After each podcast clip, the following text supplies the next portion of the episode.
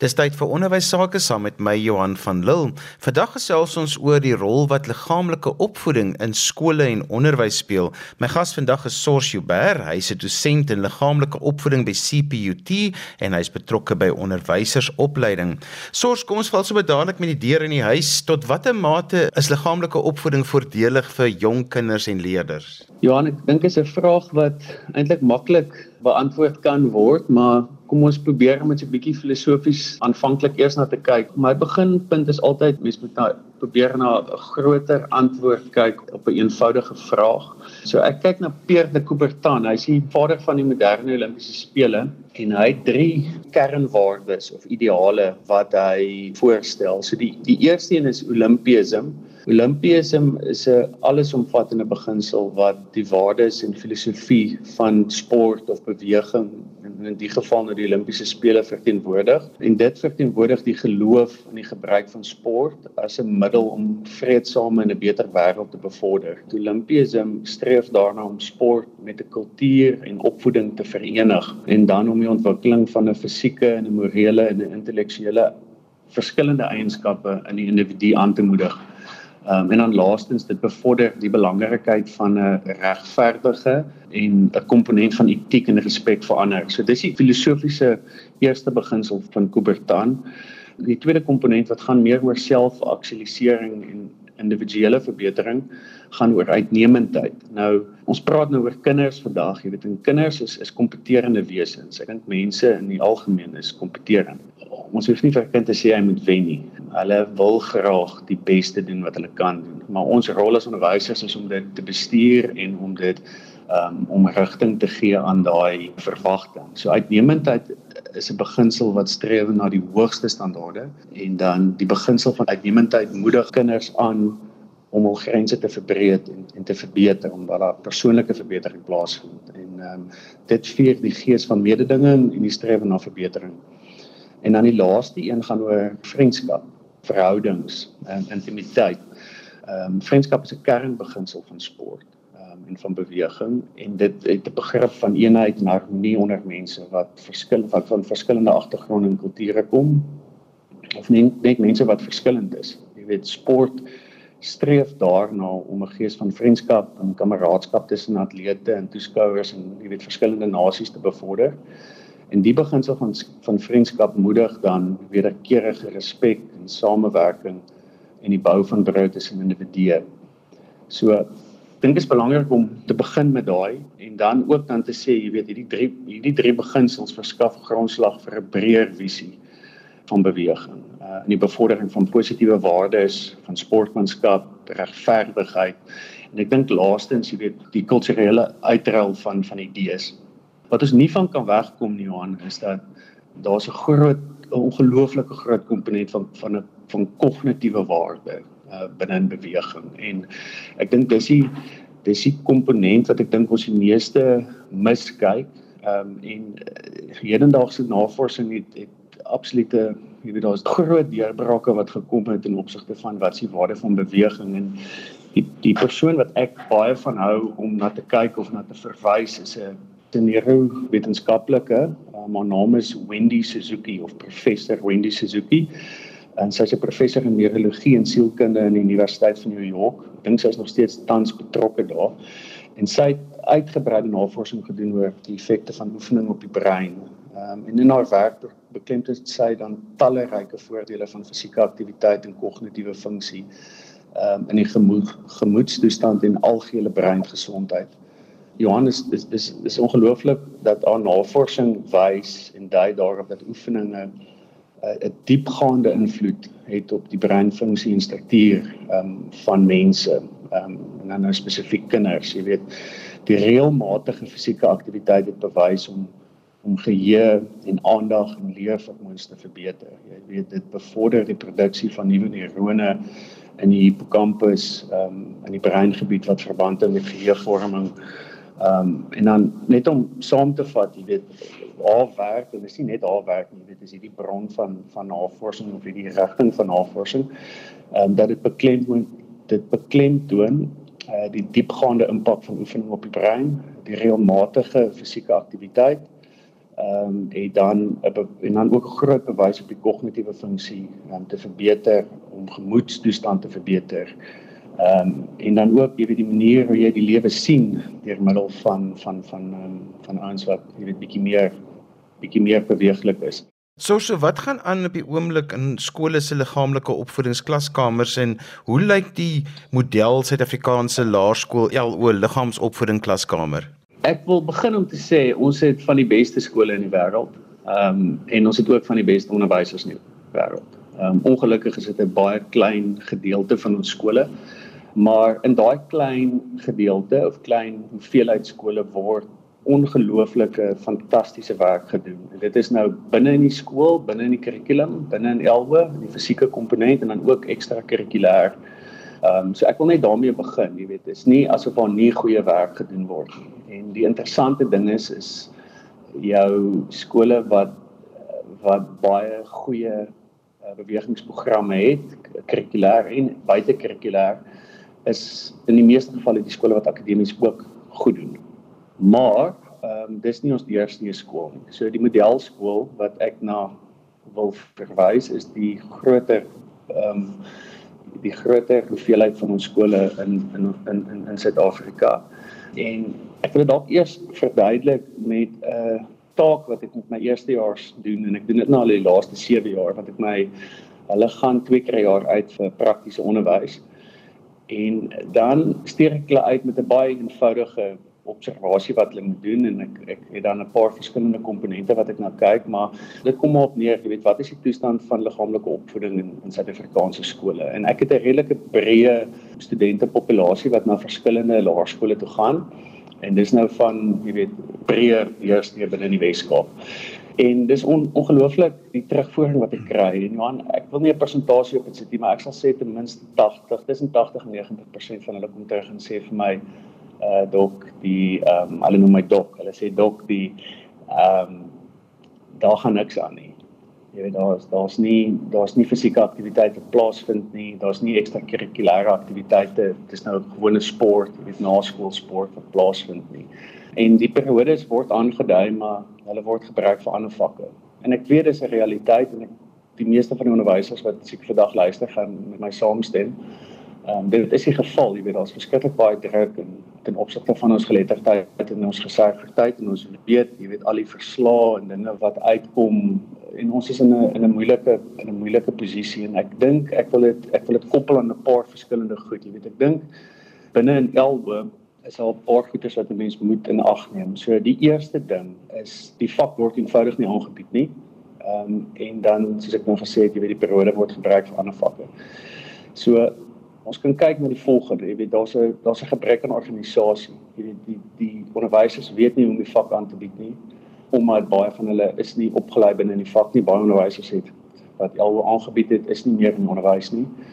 Ehm um, tersiêre instansies lei nie meer tot 'n groot mate uh, al onderwysers op nie of minder studente stel belang en ook jy weet die feit dat dat leerders wat deur die skoolstelsel kom wat nie alhoewel sien nie en dit nie, dit nie geleef het nie, jy weet daai lived experience gehad het binne in die skool. Jy kom nou in 'n tersiêre omgewing binne in 'n elwe klas. Ehm um, en hy het nooit die ervaring gehad nie. So vir hom is dit baie moeiliker om dan jy weet te kan konseptualiseer wat is hierdie vak nie. En hoe moet hierdie vak aangebied word? Teenoor iemand wat vir argumentshalwe eh, in 'n taal opgelei word of in 'n wiskundige klas of wetenskap of wat ook al.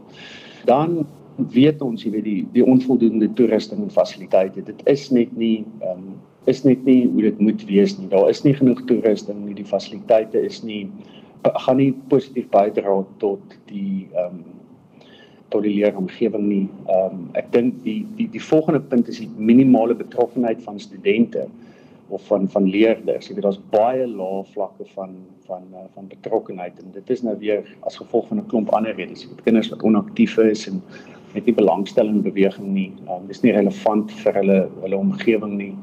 Ehm um, jy weet daar's nie 'n ouer betrokkenheid nie. Dis van die van die komponente. Ehm um, daar's onvoldoende diferensiasie. Jy weet die onderwysers ehm um, se vermoë om te diferensieer as gevolg van die feit dat hulle nie goed opgelei is nie is is baie minimaal. dink jy jy definitief elemente van 'n verwaarlosing van van veiligheidsmaatreëls. En daar's baie insidente waar die ouens elwe aanbied waar daar vreemde dinge gebeur op die op die op die skool op die skoolgronde dan jou jou jou volgende punt is is, is onvoldoende assessering en terugvoer. Jy weet die onderwyser het nie die vermoë om um, goeie terugvoering te gee nie. Dis terugvoering aan homself, terugvoering aan die aan die aan die um, aan die leerders wat die vak ehm um, wat die vak loop of wat die vak doen.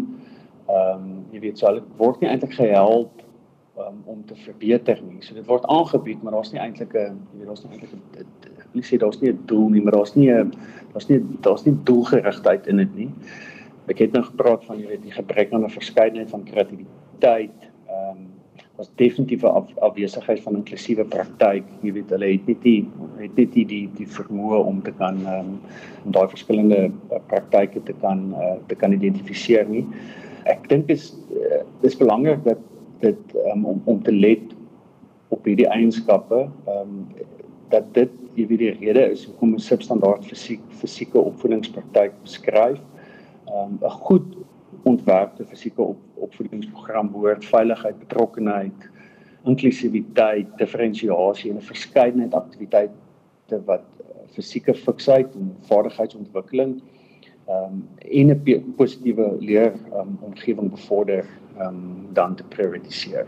As jy sopas ingeskakel het, jy luister na ons in die onderwys saam met my Johan van Lille.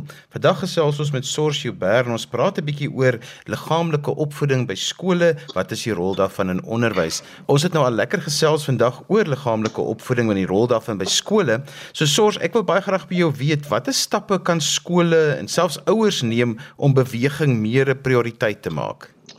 Johan, eerstens moet dit relevant dit moet relevant tot die leerders wees. Weet die kinders moet aanklank vind tot die beweging wat ehm um, binne in die ehm um, binne in die program plaasvind. Ek dink was niks so sleg soos uh, kinders wat nie belangstel in jy weet in enige vak nie. So ek dink dit is belangrik dat die kurrikulum op so 'n manier um, geïnterpreteer word dat dit relevant is. Ons is gelukkig dat ons ehm um, elke kurrikulum baie breed geskryf is. So as jy genoeg kundigheid het en genoeg um, skietgoed het dan is dit is dit redelik eenvoudig en eintlik lekker om dit relevant te maak vir leerders. So skole behoort 'n omvattende liggaamlike opvoeding kurrikulum te ontwikkel. Jy weet dit is iets wat ehm um, moet verskil van skool tot skool. Daar's sekere standaarde en sekere ehm um, uitkomste wat moet bereik word, maar daar kan diferensiasie wees.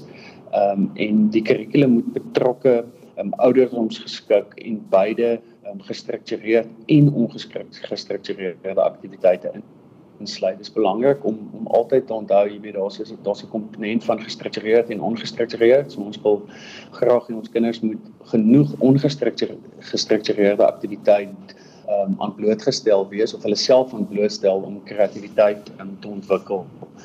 Dan die volgende ding is dat jy wil graag aktiewe speeltyd hê. Jy weet jy jy moet binne in jou in jou in jou skoolomgewing moet jy probeer om te kyk om die kinders so aktief as moontlik te probeer bedien. Ehm um, so ek sal ek sal definitief toerusting beskikbaar stel of probeer om toerusting beskikbaar te stel. Ehm um, dis nou voor skool, tydens pouse en na skool dat leerders kan kan speel. Jy weet skole kan fisieke aktiwiteite en speeltyd grootliks bevorder deur toerusting soos jy weet man eenvoudige goed soos balle of frisbees of albasters wat ek al vir die kinders te gee um, of te leen of wat jy dit ook al wil noem um, om in spesifieke areas dan hierdie speletjies uh, te kan speel. So jy as as skool of as dit kan vir 'n ouer ook wees, jy moet dit uh, bevorder deur middel van van apparaat Uh die volgende ding is is jy dat dat jy binne 'n skool kan jy definitief interne sport uh bevorder. Jy weet kinders hou daarvan om ek het al hierna verwys kinders is kompeterend, so hulle hou daarvan om te kompeteer. Ehm um, so om intern tussen skole, tussen grade, ehm um, tussen klasse, ehm um, uh organiserende of interne sport uh of 'n liga of 'n toernooi vir studente te kan motiveer om om aktiwiteit deel te neem. Ehm um, hierdie programme kan verskillende vaardigheidsvlakke akkommodeer en studente in 'n vriendelike en in 'n baie uh, lae mededingende uh, omgewing uh, motiveer om om deel te neem. Dan sal ek sê dat jy weet daar is definitief fiksheidsuitdagings en programme, jy weet as jy soos die implementering van 'n fiksheidsuitdaging of program kan kan implementeer waar jy kinders motiveer om verskillende fiksheidsaktiwiteite te doen.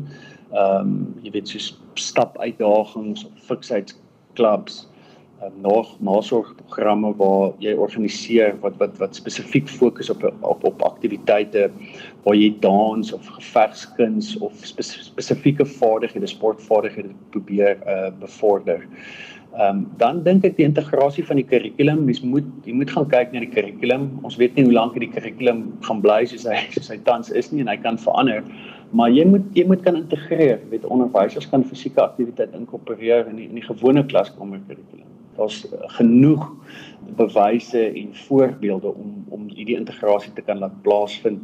Ehm um, daar's ek dink aan goed soos breinpauses, ek dink aan neurale weë wat jy in jou in jou gange en in jou klas kan gebruik en dan brein jy weet breinpauses om jou jou jou klas op so 'n manier te te struktureer dat jy nie vir vir 'n substansiële tyd klas gee nie, maar dat daar jy weet breuke is waar binne die kinders um, aktiwiteite doen en dan definitief interaktiewe speletjies en en, en praktiese aktiwiteite. Die volgende komponent is jou fasiliteite en jou toerusting en dis dis gewoonlik die die die komponent wat die meeste ouens in vaskyk om nie iets te doen nie. Maar jy moet probeer om om te kyk of jy jou fasiliteite en jou toerusting kan verbeter. Weet skole behoort 'n uh, goed onderhoudende en veilige fasiliteite vir fisieke aktiwiteite um, te voorsien um, insluit in 'n speelgronde, sportvelde en dalk in jy weet in op hoërskoolvlak gimnasiums om dan nou weer weet voldoende uiteenlopende toerusting ehm um, beskikbaar te hê om nou hierdie aktiwiteite te ondersteun. Ehm um, en dis waar die jy weet waar die regering en die die die breër publiek definitief 'n rol kan speel om te assisteer. Ons ons weet dit is um, definitief baie laag op die prioriteitenlys, ehm um, maar dit is iets wat ehm um, soos 'n goeie laboratorium in 'n skool is maar jy weet gaan dieselfde waarde toevoeg as wat jy 'n goeie sportfasiliteit het. Jy weet jy, jy het dit nodig om daai spesifieke aktiwiteit te doen. Dan dink ek aan iets soos aktiewe leerstrategieë. Onderwysers kan aktiewe leerstrategieë benut wat beweging en fys fisieke aktiwiteit insluit soos jy weet rolspel of simulasies of buitestudie eksperimente. Jy weet dit bevorder net fisieke aktiwiteit Ehm um, en dit verbeter definitief die leer leer betrokkenheid. Dan jou jou, jou samewerkingsverbande met die gemeenskap. Met skole kan kan saamwerk met die plaaslike gemeenskaporganisasies of sportklubs of fiksheidsentrums um, om ekstra geleenthede van fisieke aktiwiteite te bied, so definitief die gemeenskaps uh, betrokkenheid in te kry. Ehm um, en dan ek, het nou nie baie oor die ouers ge uitgebrei nie, maar wie die betrokkenheid van die ouers die die um, die bewustheid van die ouers en ook 'n uh, ingeligte ouer te probeer ontwikkel ehm um, wat verstaan wat is die waarde van beweging. Ek dink dit is die belangrikheid. Jy weet die die ouer moet betrokke wees in sy kind se ontwikkeling, net soos hy betrokke is in sy akademiese ontwikkeling, moet hy ook betrokke wees in sy fisieke en ook jy weet sy geestelike en sy emosionele ontwikkeling. Maar maar baie spesifiek betrokkenheid die ouer wat daar is as die kind bewegingsaktiwiteite te doen en dan gaan dit mos nou in die meeste gevalle wees ekstrakurrikulêr buite die skoolomgewing by sportwedstryde of ehm um, of aktiwiteite wat dit wat dit doen na skool maar ek dink die ding wat 'n mens baie keer miskyk is die, is die ingeligte ouer jy weet die ouer wat verstaan hoe die ontwikkelingsproses werk ehm um, en dan jou rol as onderwyser om daai verwagting van die ouer dan dan dan te kan te kan bestuur. So sors, wat is die oplossing vir ons probleem? Wat kan skole doen? Wat kan mense doen? Ja, ek dink mense kan dit in een lyn kan mense probeer definieer. Mense moet bewus wees van die waarde van die vak. Jy weet, en jy moet ingelig wees. Jy moet jy moet jy moet weet wat is die waarde van beweging op kognitiewe ontwikkeling en dan ook nou al die ander breedvoerige uh, invloede. So ek het 'n paar verskillende komponente wat ek dink wat ons wat wat ons na kan kyk. Ehm um, eerstens, jy dink ek dink assessering van die huidige situasie. Jy weet mense moet ons almal weet dit gaan nie goed nie. En ek dink mense moet seker maak jy doen 'n uh, assessering om die die werklike toestand van van van beweging en aktiwiteit binne in skole te bepaal. Ehm um, dan die volgende ding is jy moet dan baie duidelike doelwitte hê. Jy weet jy moet bepaal wat wil ons bereik. Jy weet wat wil ons bereik deur hierdie bewegingsprogram? Jy moet dit definieer en die doelwitte definieer wat jy wil bereik. Binne 'n liggaamlik binne 'n liggaamlike opvoedingsprogram en dan moet jy hierdie doelwitte moet jy moet moet spesifiek wees. Jy weet hulle moet meetbaar wees. Hulle moet haalbaar wees aanvanklik. Jy moet daarby kan uitkom. Jy moenie ek dink baie van die goed wat ons wat ons probeer implementeer is nie haalbaar nie. Ehm um, en ons kom nooit daarby uit en dan maak ons maar weer 'n volgende plan. So dit moet haalbaar wees. Dit moet relevant wees, relevant in die sin almal moet dit kan verstaan. Jy weet wat wil ons bereik? Ehm um, en dan dink ek moet dit tydsgebonde wees. Jy weet ons ons moet dit binne 'n spesifieke tyd kan doen. Dan moet jy 'n plan ontwikkel. Jy weet jy, jy moet 'n jy moet 'n gedetailleerde plan ontwikkel stap vir stap um, om by die uitkoms uit te kom, by die die, die doelwit. Ehm um, hierdie plan sou ek sê moet moet moet areas soos kurrikulumontwikkeling, onderwysopleiding, die aanskaf van toerusting, fasiliteitsopgradering, uh, leerder betrokkenheid strategieë um, definitief aanspreek. En dan moet 'n ou jy, jy moet seker maak dat jy die mees kritieke kwessies prioritiseer en dit eerste aanspreek. Jy weet jy, jy moet jy moet seker maak dat die belangrikste goed eerste aange, aangespreek word. Ehm um, dan moet jy ondersteuning kry. Jy weet ons het ondersteuning nodig en jy moet seker maak dat die sleutelbelanghebbendes ehm um, insluitend jou skooladministrateurs wat bewus is van hierdie probleme. Ehm um, jou onderwysers moet jy aan boord kry. Ehm um, en dan jou ouers en jou leerders. Ehm um, en dan moet jy hierdie plan moet jy um, moet jy kommunikeer. Jy weet almal moet dit weet. Beklemtoon ehm um, hoe dit aansluit by die breër opvoedkundige doelwitte. Ek en ek het nou 'n paar keer dit genoem. Ek dink is dis dis belangrik om om om daai baie duidelik te stel. Jy weet jy moet jy moet verstaan hoe dit breedvoerig inpas binne in die die ontwikkeling van die van die kind. Ehm um, dan sal ek 'n ehm um, sal ek seker maak dat ek verskaf professionele ontwikkeling. Ehm um, jy weet dis 'n dis 'n spesialisveld. So ons moet spesialisonderwysers oplei. Dit moet 'n absolute enkel vak wees wat op sy eie staan. Ek weet baie uh, kritiseer dit al gesê dit is nie 'n vak wat wat binne in 'n uh, groter vak soos le lewensoriëntering ingepas moet word. Dit is 'n vak wat op sy eie moet staan. Ehm um, op sy eie bene. Ehm um, en ek dink dit sal die belangrikheid definitief ehm um, bevorder. En dan moet jy professionele ontwikkelingsgeleenthede vir liggaamlike opvoedingsonderwysers wat tans in die skole is, moet jy skep. Ehm um, verskaf opleidingssessies oor die beste praktyke in liggaamlike opvoeding en sluitingsmetodes om leerders ehm um, te betrek ehm um, en om te help en te bevorder. Ehm um, ek sal definitief probeer om onderwysers toe te rus met nodige hulpbronne en um, en hulpmiddels. Ehm um, maar dit is nie so maklik nie, jy weet, uh, maar jy, jy moet probeer dan moet ons kyk na die opgradering van toerusting en fasiliteite. Ons moet toerusting en fasiliteite binne in ons skole inkry om seker te maak ehm um, dat hulle het apparaat en fasiliteite om, jy weet, om beweging effektief aan te bied. Ehm um, dan moet ons ons lede betrokkenheid met ons met ons opkry. Ehm um, ons moet 'n ons moet 'n kultuur probeer kweek van fisieke aktiwiteit. Ehm um, jy weet as jy dit nie gaan doen nie, gaan jy nie 'n kultuur kweek nie. Jy kan nie net daaroor praat nie, jy moet dit doen. Ehm um, ons moet uh, leerder deelname definitief probeer om om op te lig. Ehm um, en dan om gereeld geleenthede vir kinders te kry om beweging te kan doen. Jy weet dit moet intern in die skool wees ook ekstern. Jy moet ekstrakurrikulêre geleenthede vir kinders ook ook skep dan sal ek sê Johan jy, jy moet dit jy moet dit monitor jy moet dit evalueer. Jy weet jy kan nie net 'n ding implementeer en dan en dan dink dit dit dit gaan werk nie. Ons moet ons moet ons moet um, ons moet seker maak ons ons herëvalueer en herëvalueer en herëvalueer. Is die enigste manier hoe jy dit gaan hoe dit gaan verbeter. So dit moet baie gereeld gemonitor word um, om die vordering uh, van hierdie veranderinge dan te kan evalueer. En dan moet ons data hê. Jy weet ons ons het geen data nie. Ons ons ek weet nie hoekom nie, maar ons het ons ons data is absoluut minimaal ehm uh, ten opsigte van die wets gespesialiseerde vakke. Ons moet data hê en met die data kan jy dan die inligting werk en leer werk en te bepaal jy weet waar sou lê ons probleme. En dan laastens moet jy jy weet moet voortdurend moet jy moet jy moet jy verbetering in stand hou. Die verandering van 'n disfunksionele liggaamlike opvoedingsomgewing um, is 'n voortdurende proses. Jy weet jy moet gereeld moet jy moet jy terugvoering soek op hoogte probeer bly van die van die nuutste navorsing en beste praktyke. En dan laastens moet jy kultuur kweek van samewerking, ehm um, van samewerking, van oopheid vir dierende verbetering en onder onder alle belanghebbendes wat wat betrokke is en lief is um, vir iets soos liggaamlike opvoeding. Ehm um, ek wil net net afsluit om te sê mens moet mens moet seker mens moet net seker wees jy weet die dat dat dat skoolomgewings is uniek en dit verskil van skool tot skool. En in in daai ehm um, in in, in daai verband is dit belangrik om ehm um, om in ag te neem dat daar is 'n verskeidenheid uh, liggame van skole.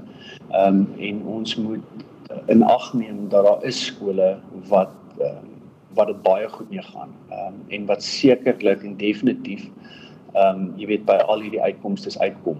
Maar ongelukkig is dit nie ons ons modelskool nie. En so gesels Sors Joubert, hy's 'n dosent in liggaamlike opvoeding by CPUT. Sors, as mense met jou verder wil gesels, hoe kan hulle met jou kontak maak? Ja, hulle kan my enigstyd kontak ehm um, by by die universiteit. Ehm um, my e-pos is sors joubert s o r s.joubert@cput.ac.za ehm um, of hulle kan my enige tyd kan hulle vir my ehm um, 'n boodskap stuur. Hulle kan dalk by jou Johan kan hulle die die nommer, die selfoonnommer kan hulle kry. En daarmee ons gekom aan die einde van vandag se ons in die onderwys. Ons het vandag gesels oor die rol wat liggaamlike opvoeding speel in skole.